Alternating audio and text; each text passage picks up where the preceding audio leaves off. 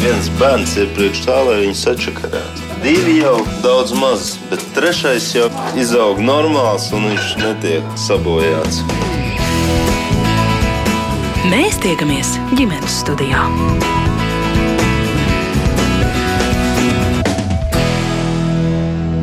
Jā, laba diena! Radījums ģimenes studija sāk savu skanējumu, un jūs sveicināta producenta Ilza Zvaigzne. Mans vārds ir Agnes Linka.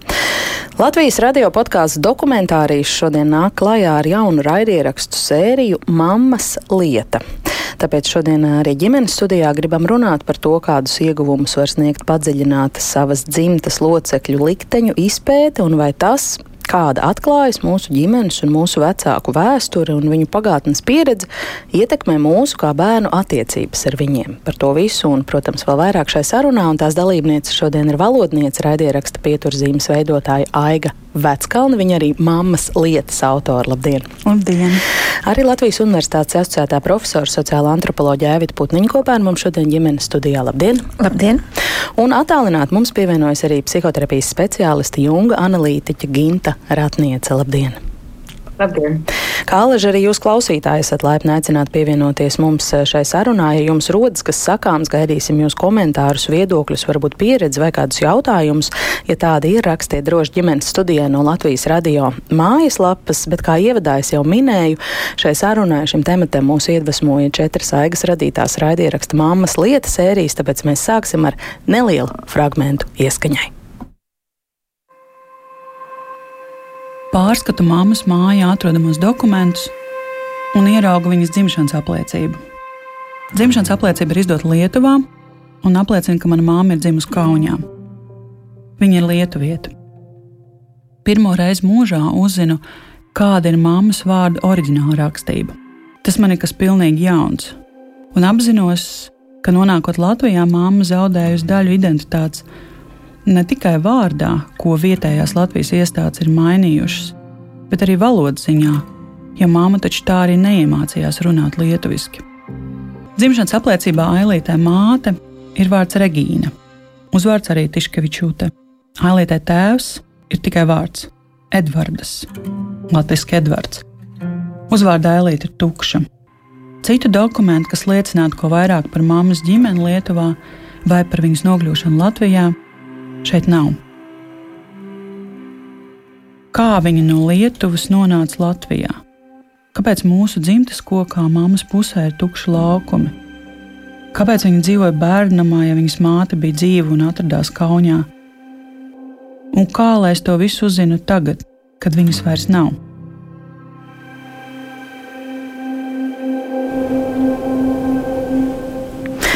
Lūk, ir dokumentāls stāsts, māmas lieta par manu māmu, kur uzauga bērnamā, un mani, kura pēc 40 gadiem mēģina saprast, kāpēc tā notika.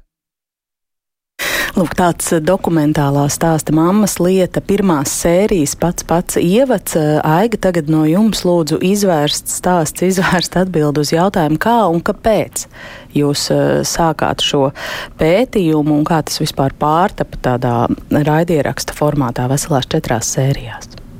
Jā, man jāsaka, ka šis stāsts par to, kas notika ar manu māmu, man interesē jau sen. Mm.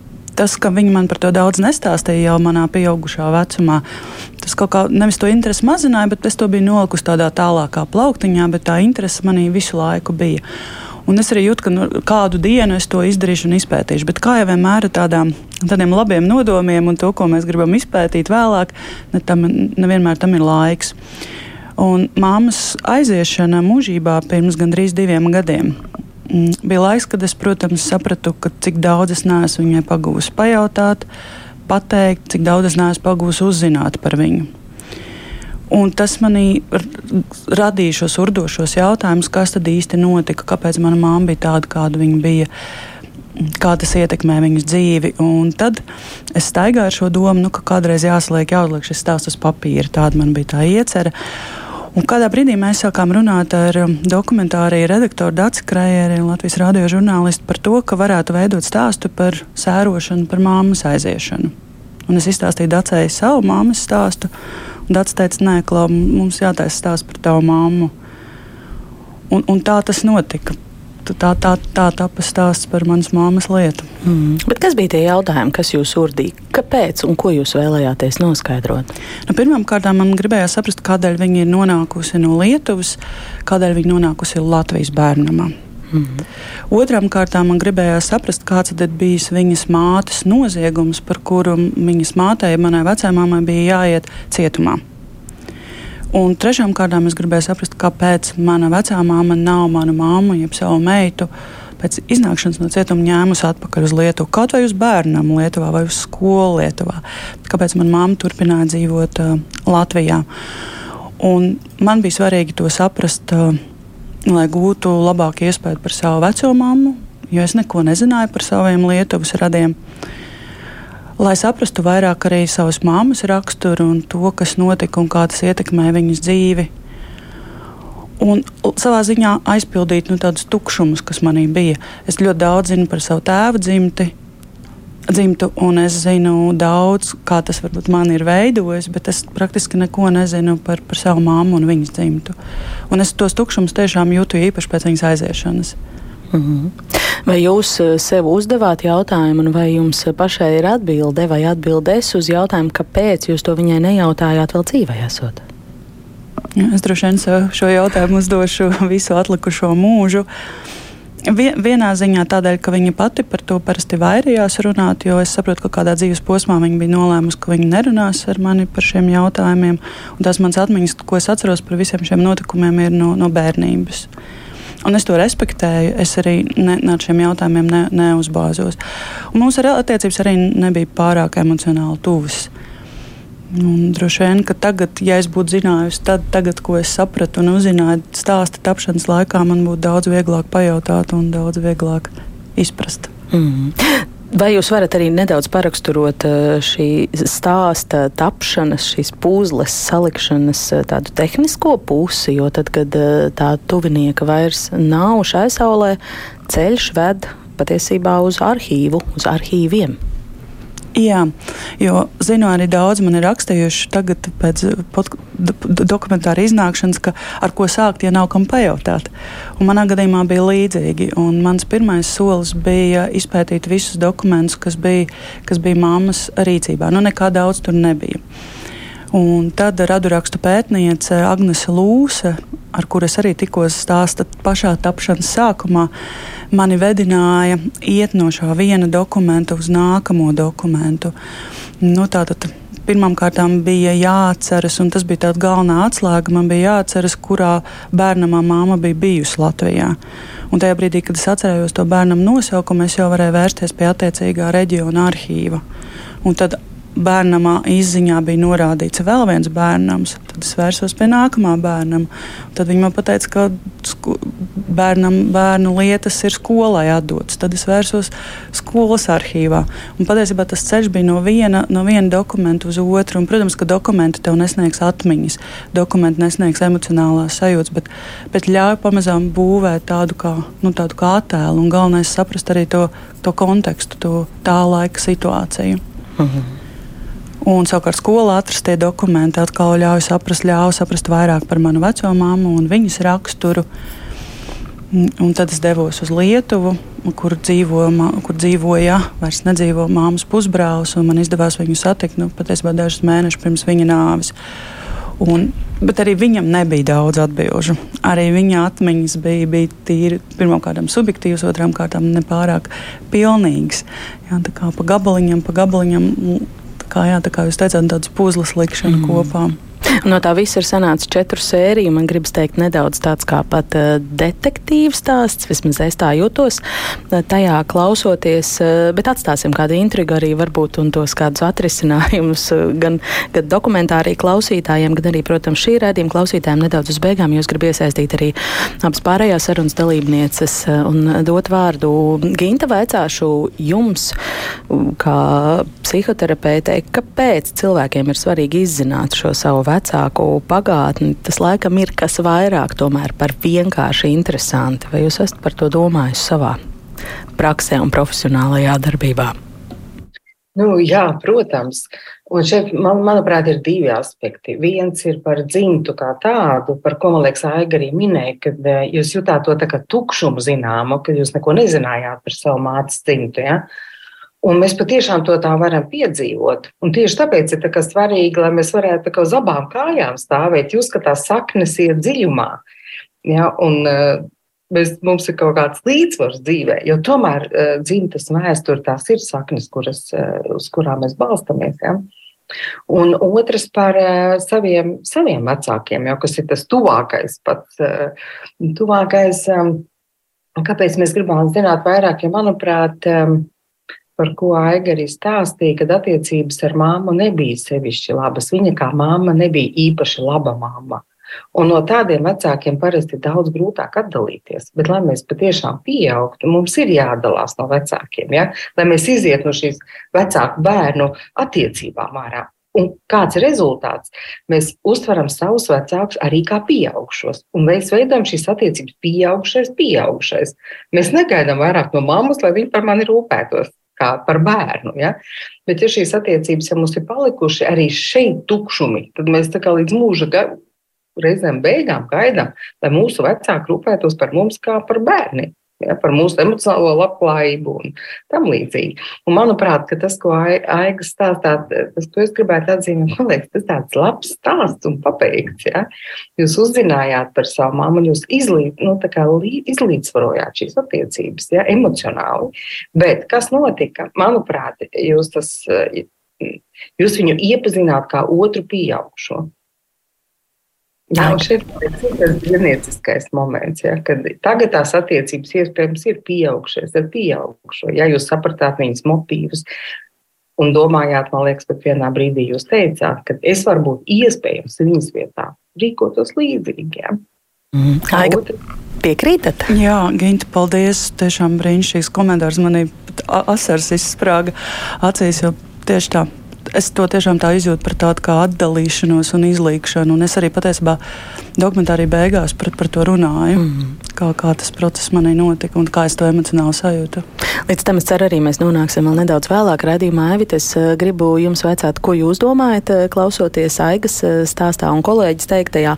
Un arī vai padomju laiki, tas periods ir no tāda pētniecības viedokļa un mūsu vecāku paudzes dzīves pieredzes un, un likteņu izzināšanas no izpētes viedokļa, tas ir tāds īpašs periods.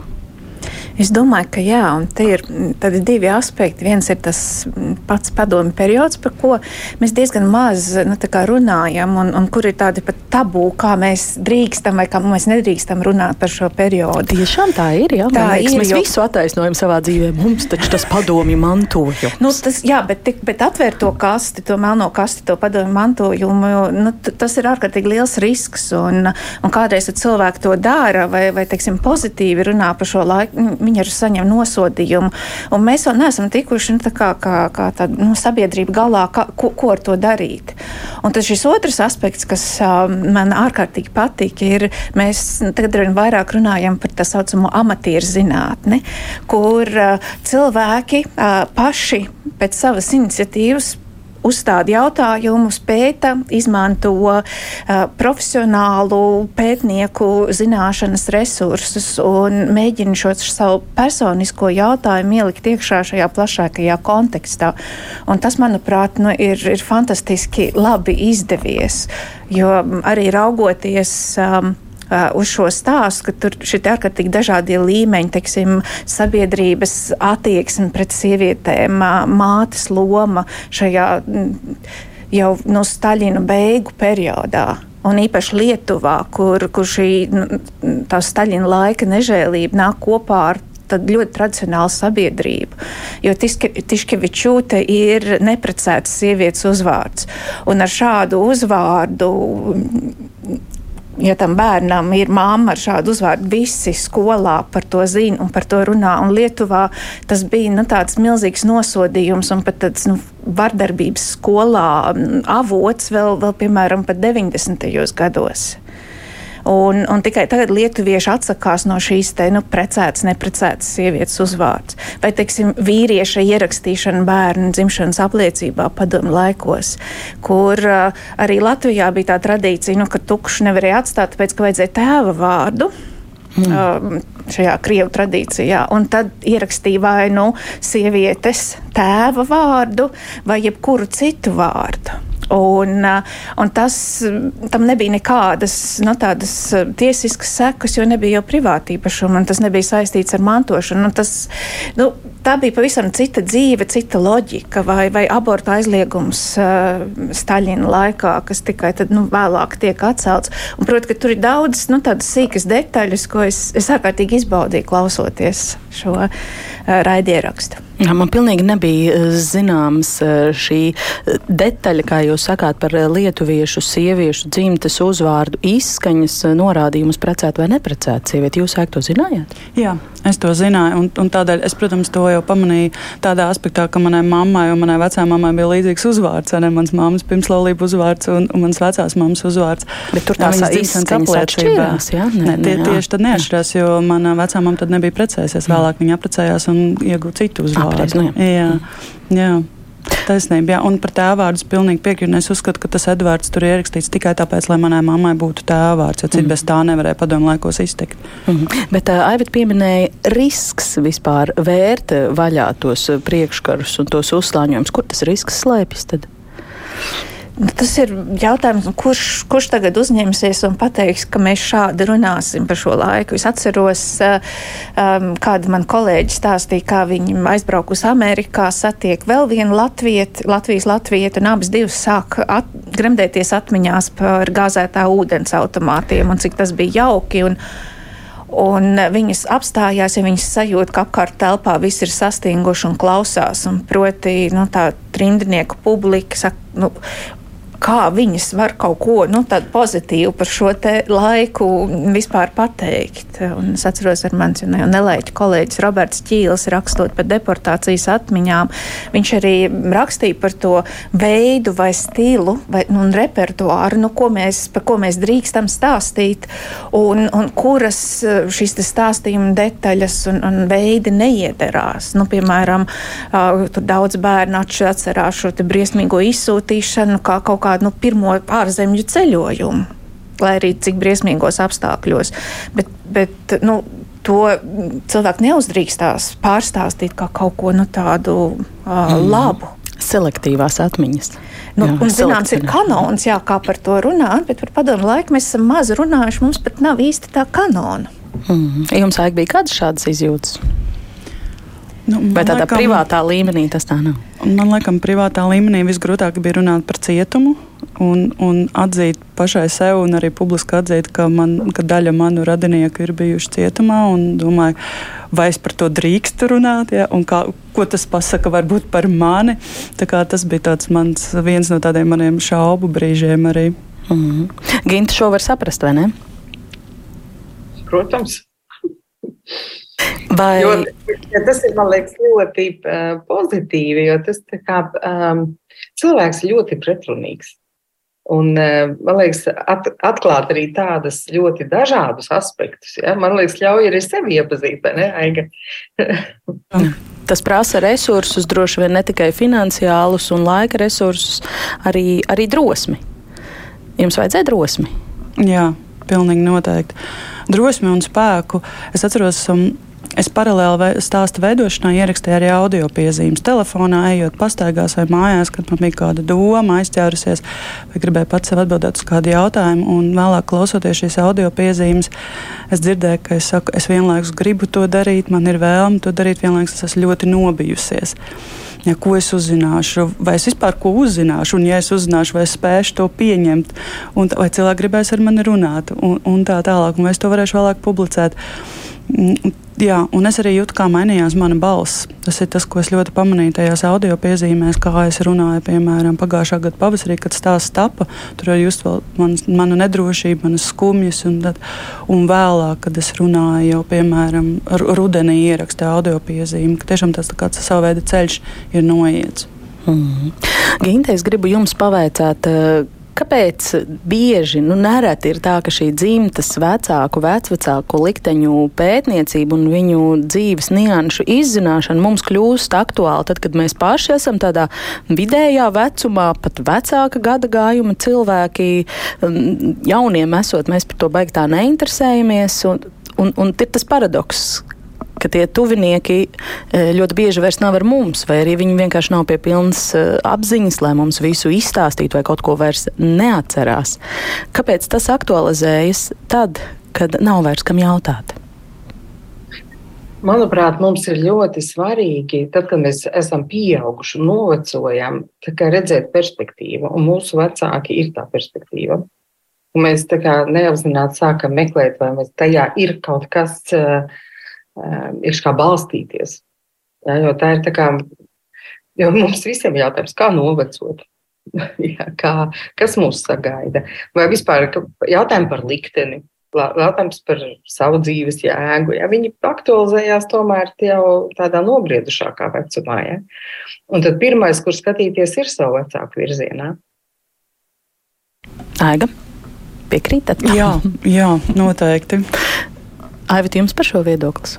Jā, nu tas ir interesanti. Mūsu kultūrā šīs bioloģiskās saiknes tām ir nu, ārkārtīgi spēcīga kultūrāla nozīme. Un, un to rietumu kultūrā novēroja, kad piedzima pirmie mēģiņu bērni, nu, kur, kuri nemaz nav redzējuši varbūt savus DNS donorus, kā pieaugot viņiem tik un tā parādījās interese atrast savus šos bioloģiskos vecākus. Un, un teiksim, Lielbritānijā pat mainīja regulējumu dzimumu šūnu ziedošanai, proti aizliedzot nu, tādu pilnīgu anonimitāti donoriem. Proti, kā cilvēkam ir iespēja iet atpakaļ un noskaidrot, jo mūsu šajā konceptā par saknēm un rietumu sabiedrību nu, mēs esam ļoti pārņemti ar vēsturi, un tā skaitā arī individuālo vēsturi. Ja jūs aizbraukt, teiksim, kaut kur uz, uz uh, Ziemeļāfrikas valstīm, kur, kur tagad arī latvieši brauc. Uh, ekskursijās bieži, tad tur tā vēsture nu, nav tik ārkārtīgi svarīga. Jā, un, un, un viņiem nav svarīgi saglabāt šo te, bet mūsu kultūrā. Nu, atrast šo savu saikni nozīmē arī sevi ielikt iekšā sabiedrībā. Un tad tā, tā, tā bioloģiskā saite ir vajadzīga nu, ļoti daudzos, nu, tiksim, dažādos, nu, tie var būt arī vēlāk veselības, ar veselību saistīta lēmumu pieņemšana par to, kāda šī ģimene ir bijusi. Tas ir nu, dažāda veida skaidrojumi, izprast, kāpēc man raksturs ir tāds. Un, un, un tas ir tāds resurs, bez kura, nu, nu, kas parāda, nu, ka mēs neesam radušies tukšā vietā. Mm -hmm.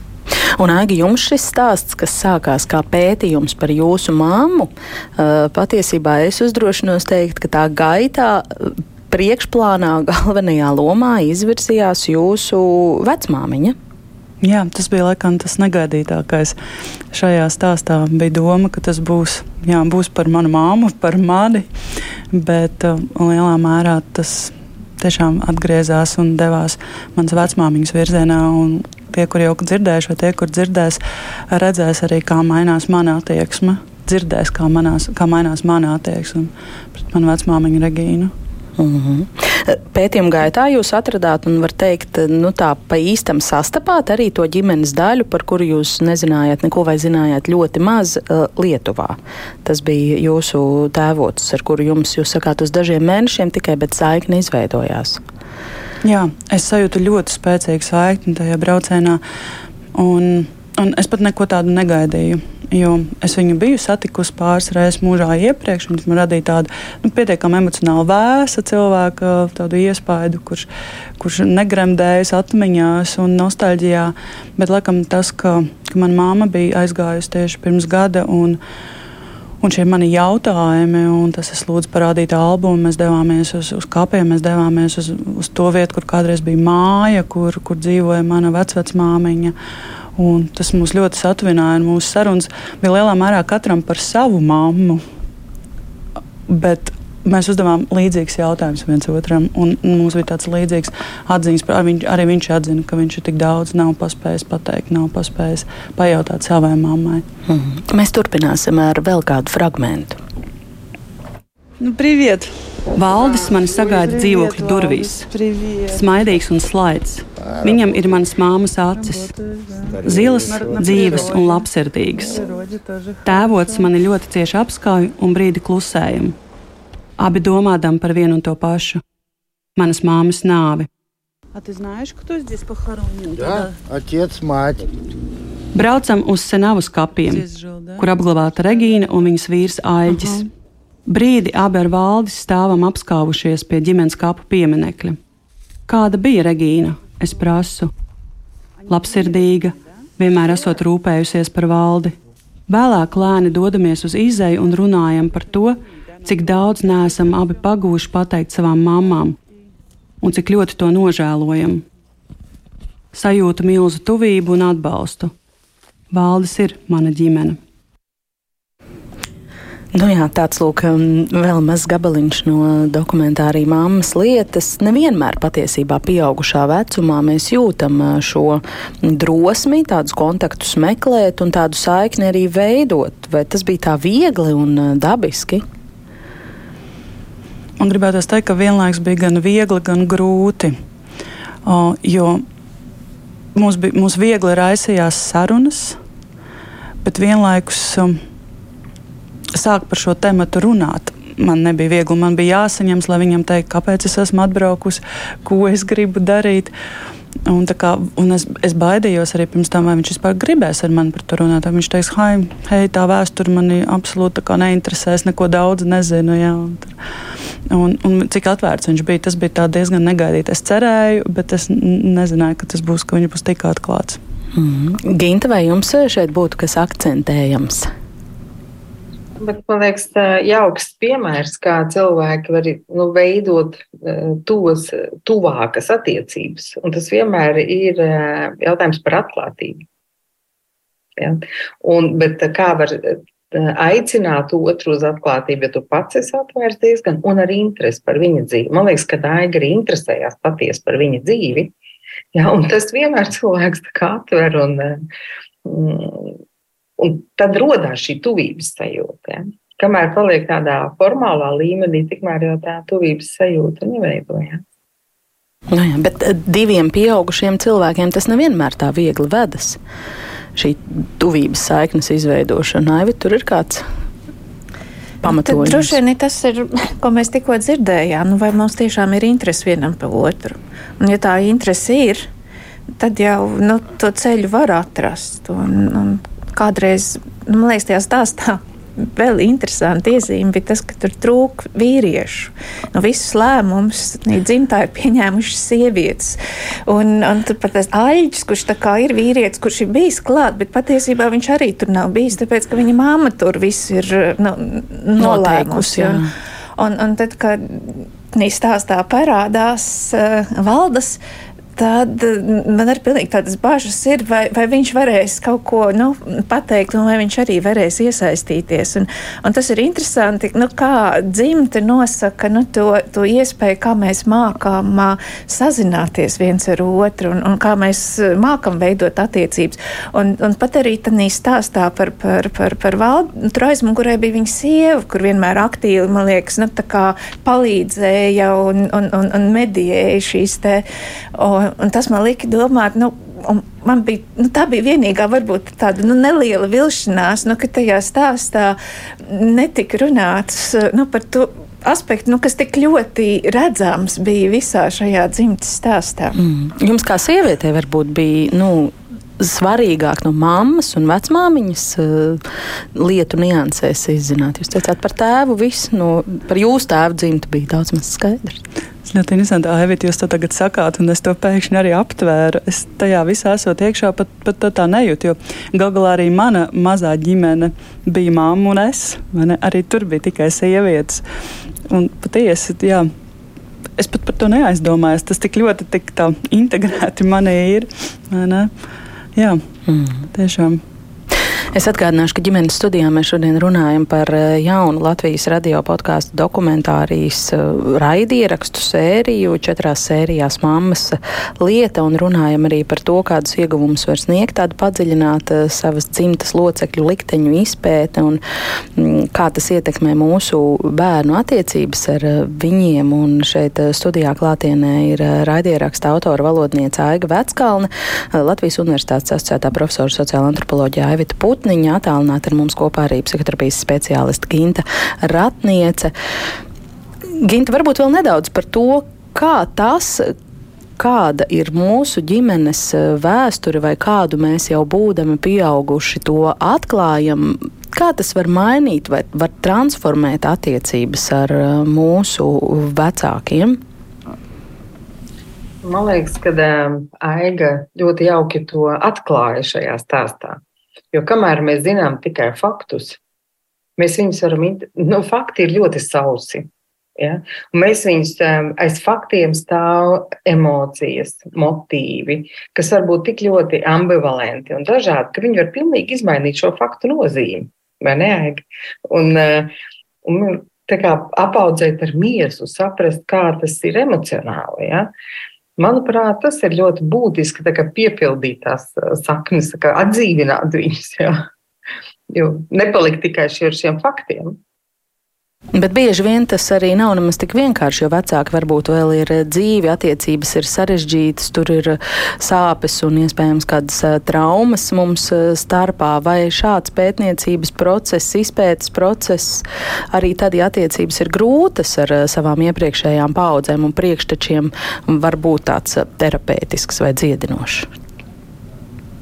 Nu, tad man liekas, jo īpaši, bet tad arī drosme ir vajadzīga vairāk vajadzīga drosme un arī drosme iziet no tiem priekšstatiem, kas mums ir izveidojušies jau par cilvēku, par viņa rīcību. Ja? Un dažkārt iespējams tieši tāpēc cilvēki nepēta, jo līdzīgi kā par šo padomu mantojuma aivita teica, ja mēs zinām, tas ir tā punkts.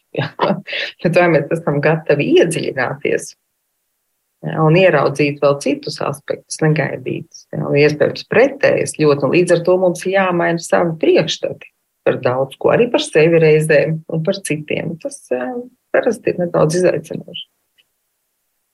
Aivita, ir kas komentējums vēl piebilstams? Jā, patiesībā Droši vien tas arī ir tradīcijas, ko un kā mēs runājam ar vecākiem. Un man pašai ir tāds dzimtas antropoloģijas kurs, un tur studentiem ir uzdevumi kuros nu, primāri tajos uzdevumos ir jārunā ar saviem vecākiem, vecvecākiem un nu, kādas konkrētas lietas jānoskaidro gan par bērnu audzināšanas filozofiju, piemēram, vai par seksuālo izglītību viņu laikā. Nu, tādas lietas, par kurām mēs, mēs uzreiz uzzinām, nu, nekad nav runāts.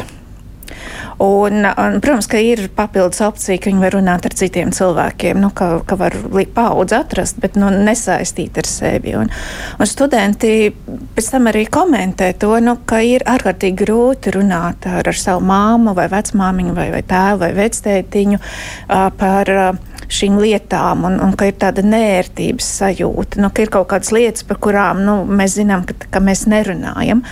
Bet tad ir arī tādi atklājumi, ka eh, nu, tā māma un vecmāmiņa ir gaidījusi, lai par to viņi parunātu. Un, un kamēr mēs nepajautājam, mēs, ne, mēs to nevaram uzzināt. Un, un kādreiz pat nu, tāds iemesls, nu, man tas ir mājas darbs, man, man to ir jāizdara. Tas palīdz varbūt saņemt drosmi nu, tām abām pusēm. Un, bet man liekas, ir nu, svarīgi, ka mēs mācāmies par kaut kādām lietām, nu, piemēram, par, par to, kas tad ir ģimene un, un kāpēc mums ir tik ārkārtīgi saspringta šī ģimenes definēšana un, un visi ar to saistītie jautājumi un saistīt to ar šo savu pieredzi un, un mēģināt saprast, nu, ko, ko es par to zinu. Un, un tādas lietas, kas varbūt nu, ir aiz nu, tā, par ko mēs parasti runājam, kādreiz pat tikai uzvedības līmenī, tādas nojaušamas lietas. Un tas tad, nu, mūs veido kā nobriedušākus cilvēkus un, un palīdz veidot šīs attiecības un, un palīdz izrunāt jautājumus. Vienīgi žēl, ka visiem nav tādu mājas darbu. Un tiem, kuriem nav tā mājas darba, tad sanāk atlikt un atlikt un atlikt to sarunu līdz Nu, Aigai bija ļoti labs piemērs, nu, ka to sarunu mēs varam uzsākt jebkurā laikā. Un droši vien, nu, ja saņemtos, nu, Tas būtu pavisam cita lieta, jo viens ir, nu, ka mēs veidojam stāstu par to otru cilvēku, bet, tam, bet katram mums ir arī tiesības veidot savu stāstu par sevi. Un, un es ar, arī domāju, vai es gribētu, ka kāds tagad paņems un tagad preparēs manu dzīvi.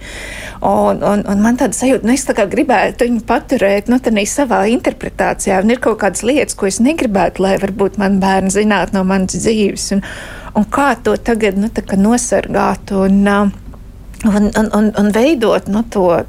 To izpratni, lai es neapzogu to otru cilvēku, to, ka es nepasaku, vai arī es uzbāžos par daudz ar kaut kādām savām interpretācijām. Un tās ir, nu, man liekas, nu, tās ir tās lietas, kas veido mūsu attiecības, jo mēs dzīvojam, un dzīvošana ir noskaidrošana par šīm robežām un, un šo robežu mainīšana, kas tad veido arī mūsu attiecību kvalitāti.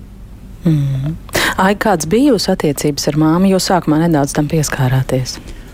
Mēs nebijām ļoti tuvas.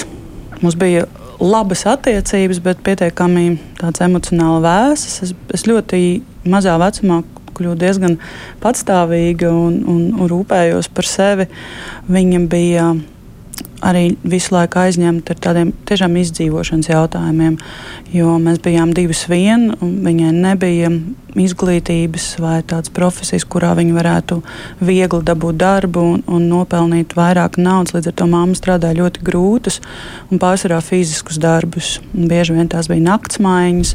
Tad gadījās pat tādas nedēļas, kad mēs vienu otru pat nesatikām, jo viņai bija naktsmaiņa vai vēlā vakara maiņa, un es atgriezos no studijām vai braucu agri prom uz Rīgu. Un, jā, mēs dzīvojam, nu, kamēr dzīvojam kopā, tā bija tāda nu, tā dzīvokļu biedreņu eh, dzīve.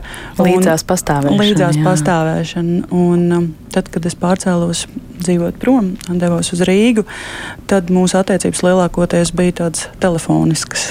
Mēs sazvanījāmies, bet tās nebija pārāk garas sarunas. Tas nebija tāds ļoti emocionāls un dziļs sarunas. Drīzāk ļoti praktiskas kā klājas, kā varu palīdzēt, ko var izdarīt, kad tiksimies un tā tālāk. Un, Bet bija arī tādi brīži, kad es jutos ļoti tuvu, ļoti tuvu emocionāli mammai, bet to brīžu nebija daudz. Un man arī, tāpēc ļoti manī rezonēju tas, ko teica Ginta, un es steidzu to pierakstīt. Man jāsaka, ka es dzīvoju ar tādu, nu, cietējas tādu cietējas sajūtu, ka es tajā visā stāstā esmu tas upuris, ka es negūstu pietiekami daudz, kā man šķita mīlestības vai uzmanības, un ka tagad, tagad man ir tādas bērnības traumas, ar kurām man jātiek galā. Un patiesībā viens no ieguvumiem, veidojot šo stāstu un padarot to publisku, jo citādi es to nebūtu droši vien izveidojis bija tas, ka es sev vairs neredzu tajā cietējas lomā, ka tiešām Ginta to palīdzēja noformulēt. Es sev redzu pieaugušu cilvēku lomā, kur arī var uzņemties atbildību par, par sevi, par savām sajūtām, un kur arī var labāk izprast cita pieaugušā rīcības motīvus. Un tas ir ļoti dziedinoši un spēcinoši. Mm -hmm.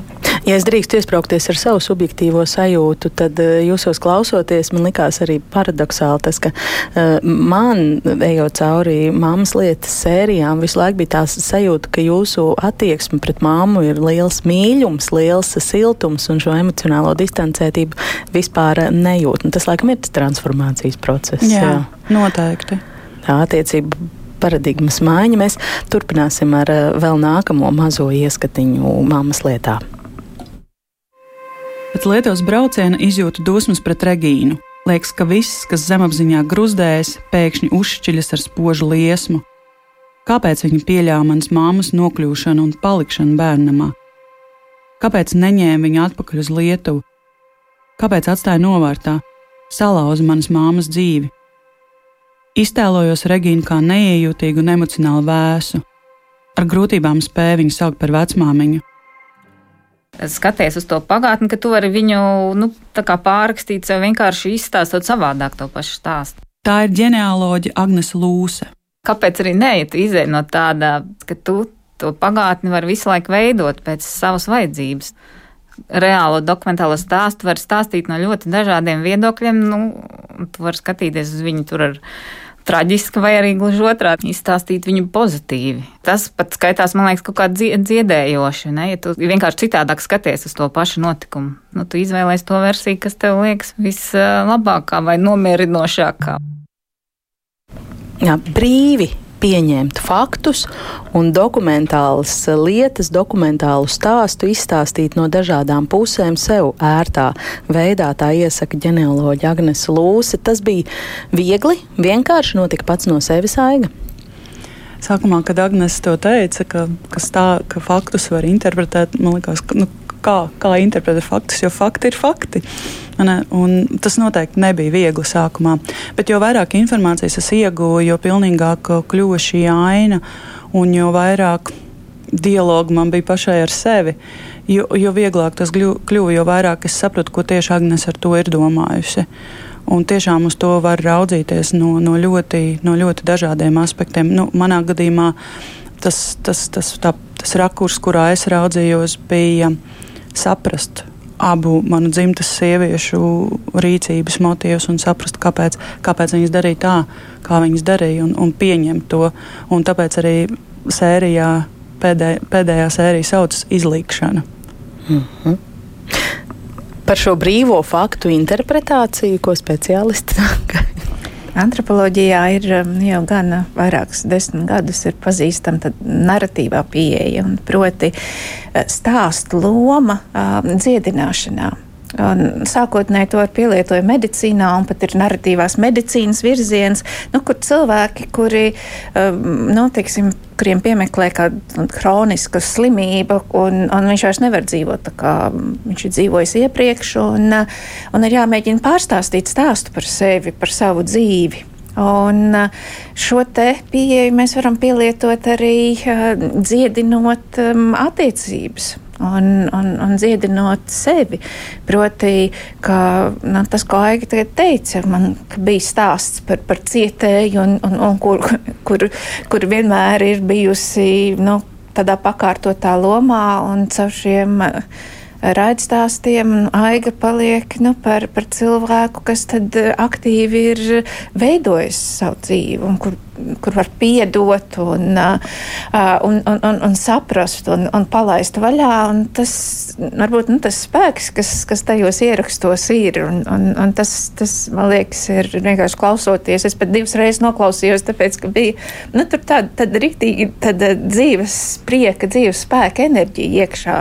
Kā, pat tās lietas, kas, kas varbūt nu, ir tādas, ko, ko mēs nevienam nestāstam, ko gribas noslēpt, bet, bet tās, nu, Tādā stāstā viņas ieliek, un viņas kļūst par tādu nu, spēka momentu, nevis par, nu, vai no tā tagad ir jākaunās.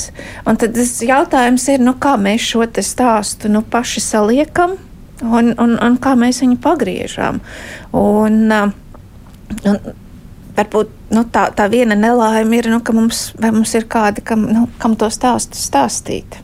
Un, un, un, un, un tad tas varbūt tā ir tā, tā šaurākā vieta, jo, lai mēs varētu iemācīties to stāstu, kā jau saka, nu, tur vajag to, to telpu, un, un, un to nozīmi. Un līdz ar to nu, tas rādio paliek kā tā telpa, kur, kur mēs par to varam runāt. Un, un, bet, nu, protams, ir jauki, ka mēs par šiem stāstiem, ka tos mēs varam stāstīt viens otram, un ka sabiedrībā, kopienā, ģimenē tas saglabājas. Mm -hmm. Ginta, ko piebildīsiet vai piekritīsiet? Nu, es atgriežoties pie tiem baltajiem plankumiem, protams, psihē ir vai tiem caurumiem, pat varētu teikt, ko mēs nezinām arī ļoti bieži nu, par, pat par savu dzīvi, piemēram, dzimšanas un agrīnas zīdaiņa pieredzi, ja, par kuru mums nav kognitīvas atmiņas. Ja, bet um, mums reizēm ir vajadzība to aizpildīt šos uh, caurumus. Tāpēc, uh, protams, tas var būt iztēlots. Vienīgais, pret ko es nedaudz protestēju, pret šo apgalvojumu, ka ir vērtā veidā.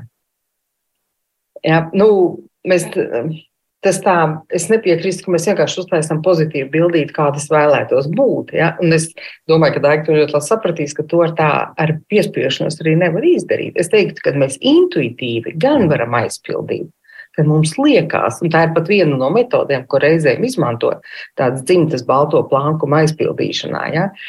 Kad eh, cilvēki intuitīvi meklē mm, atbildes, jo mums dažkārt mm, nu, pret, vienkārši mēs iekšēji pretojamies, pieņem, ka tur vienkārši bijis kaut kas labs. Ir, ja? Tur jābūt tādai saskaņai savā ziņā, un tad jau spēja pieņemt to stāstu. Ja? Nevis iz, izveidot vienkārši vēlamo sev. Um, bet, protams, ir tur dažādi motīvi, diezgan komplicēts jautājums, manuprāt. Ja, man liekas, tas galvenais jau ir nu, ne tikai tas stāsts kā gala produkts, bet tas process, kā tas stāsts top. Un tad tas process jau arī rada to dziedināšanu. Piekrītu, piekrītu. Jā, Jā. Tieši tā.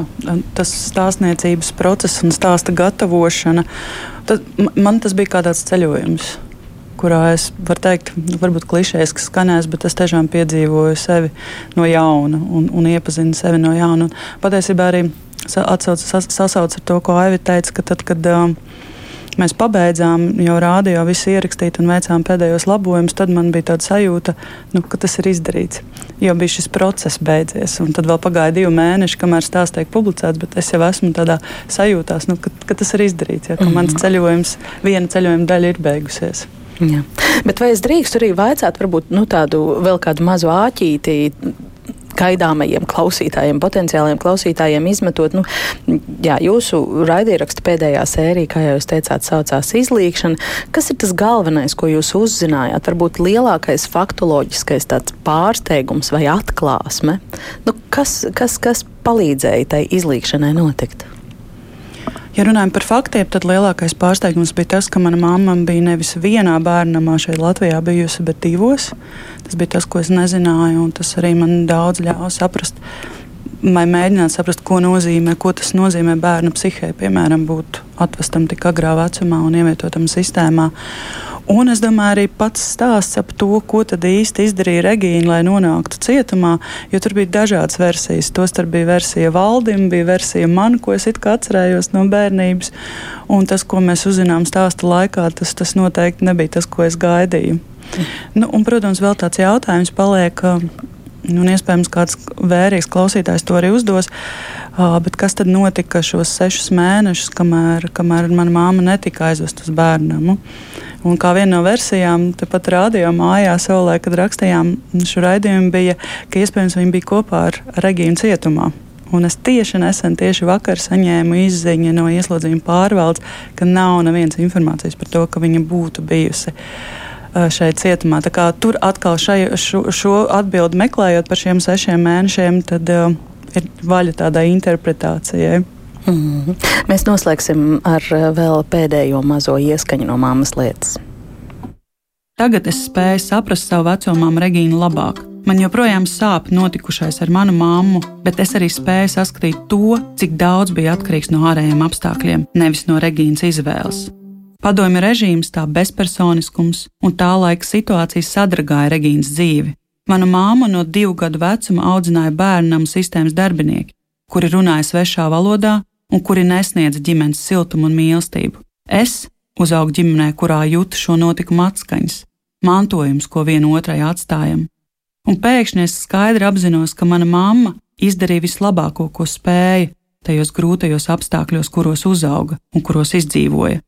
Viņa izdarīja gandrīz neiespējamo, lai izaudzinātu mani un iedot man spēcīgu pamatu dzīvē. Jūtu, ka izlīgstu ar Regīnu, jūtos spēcīgāk un pilnīgāk, un šo spēku man vairs nevarēs atņemt. Bet kā ar manu iespējamo vectēvu, Ukrāņu virsnieku Aleksēju Ducenko? Vai es viņu meklēšu? Lietuviešu ģenealogs Laimons Grīva saka, ka tas esot bezcerīgi. Es nezinu viņa dzimšanas datus, nav arī citu pavadienu. Turklāt padomju laikos virsnieks sūtīja no vienas vietas uz citu. Taču nevēlos arī atmest ar roku, jo arī Ukrainā šobrīd aktīvi darbojas radiorakstu pētnieki, un varbūt tomēr izdodas ko atrast. Nu jā, un te jautājums, vai daudz punkts, daudz nozīmīgs klusums, vai tomēr vēl kāds īsts skaidrojums no jums vajag? Kas tālāk? Es domāju, noteikti daudz punktu. Jo ir pavadieni, ir un ir ko pētīt, un ir ko domāt. Tā kā jā, man, man gribētu šo stāstu turpināt. Mm. Vai noslēgumā rezumējot, Aivitē vai Gintē vēl kas sakāms? Ginta? Man liekas, šis ļoti jauks stāsts, kas parāda tiešām to dinamiku un dod uh, labu stimulu tomēr katram no mums eh, nedaudz vairāk iedziļināties savas dzimtas vēsturē, un mēs katrs noteikti varam kaut ko atrast jaunu. Arvita. Man liekas, arī tas ir nu, tāds jauks pamudinājums katram, ka tas ir pirmkārt iespējams, ka tas ir iespējams arī cilvēkiem, kas nav speciālisti konkrētajā jomā.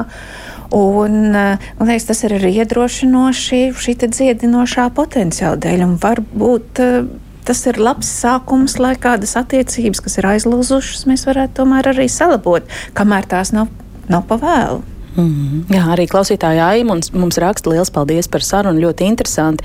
Es atcerējos zināmu stāstu, kur kāda sieviete saprata savas sievietes izvēles tieši izpētot mammas un vecmāmiņas uh, līkteņus. Tas, par ko es vēl uh, domāju šim redzījumam gatavojoties, ka mums parīt ir gaidām filmas Mātes piens pirmizrāde, kur arī ir par mātes un meitas attiecībām. Un es izlasīju, ka režisora Ināra Kolmana saka, ka filmu veidojot, viņa strādājusi ar savas mātes un un galvenokārt ar savām sajūtām par šo laiku. Nu, tad nu, mēs atgriežamies pie padomju e, režīma, jo viņi saka, es esmu to piedzīvojusi un izdzīvojusi, un tikai vēlāk sapratusi, kādā rāmī mēs visi bijām. Un tas daudzpunkts no manas puses varētu būt jautājums, kā tad šo pētniecību realizēs un kā to vispār spēs izprast un interpretēt tie cilvēki, mūsu bērni, kas varbūt kaut ko gribēs uzzināt par saviem tā laika priekštečiem, bet viņiem nebūs šīs padomju režīma režīma pieredzes un varbūt izpratnes aivita. Ehm, es domāju, ka tas varbūt zināmā mērā pat ir priekšrocība. Ja? Proti, jā, tas ļauj paskatīt, jo, jo tālāk mēs esam no lietām, jo mums ir varbūt skaidrāks skatījums uz to. Un, un, un tur ir tas paradoks, ja mēs kaut, kā, kaut kam esam pārāk dziļi iekšā, mēs šīs lietas uztveram kā paši pa sevi saprotams, un mēs palaižam nu, tādas ļoti varbūt būtiskas detaļas garām, tāpēc, ka mēs pie tām esam pieraduši un mēs tās nespējam pamanīt darīt. Tāpēc es nebūtu tik ārkārtīgi skeptiska par to. Galvenais, lai šī te, nu, interese un šī saikne būtu, jo tas, kas mūs motivē, galvenais jau ir zinkārība. Un lai tā zinkārība arī nu, saglabātos, nu, kā tāds dzīves spara sastāvdaļa. Jā, es noteikti piekrītu, jo arī šo stāstu veidojot, man bieži vien likās tik pašsaprotamas dažas lietas, un es rakstot stāstu, pat nepaskaidroju tās sākumā. Bet vēlāk, ierunājot to, man liekas, nu, te man jāpieliek kāds skaidrojums, te man jāpieliek kāda piezīme, jo ne visiem klausītājiem, piemēram, būs zināms tas, kas man šķiet pašsaprotams par padomu laiku, vai man, piemēram, kaut kas nebija pašsaprotams par, par iepriekšējiem, vēl agrākiem gadiem. Un es domāju, ka Mūsdienās arvien vairāk palielinās šīs iespējas digital, tiek digitalizēti dažādi, dažādi arhīvu fondi un dažādi dokumenti. Un jaunās paudzes pētniekiem būs arvien lielāka pieeja informācijai, un šo skaidrojumu arī būs diezgan viegli iegūt un laikmetu kontekstu. Un patiesībā katrs tāds stāsts, vai nu tas būtu mātes piens vai kāds cits pētījums par saviem, par saviem vecākiem un vecākiem, jau arī rada šo, šo pamatu, šo bāzi, kur ieskatīties, no kā, no kā iedvesmoties. Un tāpēc man gribas aicināt. nebaidīties uzdot jautājumus, nebaidīties būt atklātiem, jo kāda cita atklāts stāsts, kāda viena cilvēka atklāts stāsts var palīdzēt citam arī iet līdzīgu ceļu un varbūt izlīgt ar kādu sev tuvu cilvēku. Mm, ticu! Ka tā būs jūsu stāsta gadījumā. Un eh, paldies par to, paldies par šo darbu un paldies arī par sarunu ģimenes studijā. Šodien saku Aigai Veckalnai, Aivitai Putniņai un Gintai Ratniecei. Un redzījumu veidoju šodien arī Ilza Zvaigzne, Katrīna Bramberga, man sauc Agnese Linka. Klausieties mūs arī podkāstos, mobilajā lietotnē un sekojiet sauc tīklos uz sadzirdēšanos.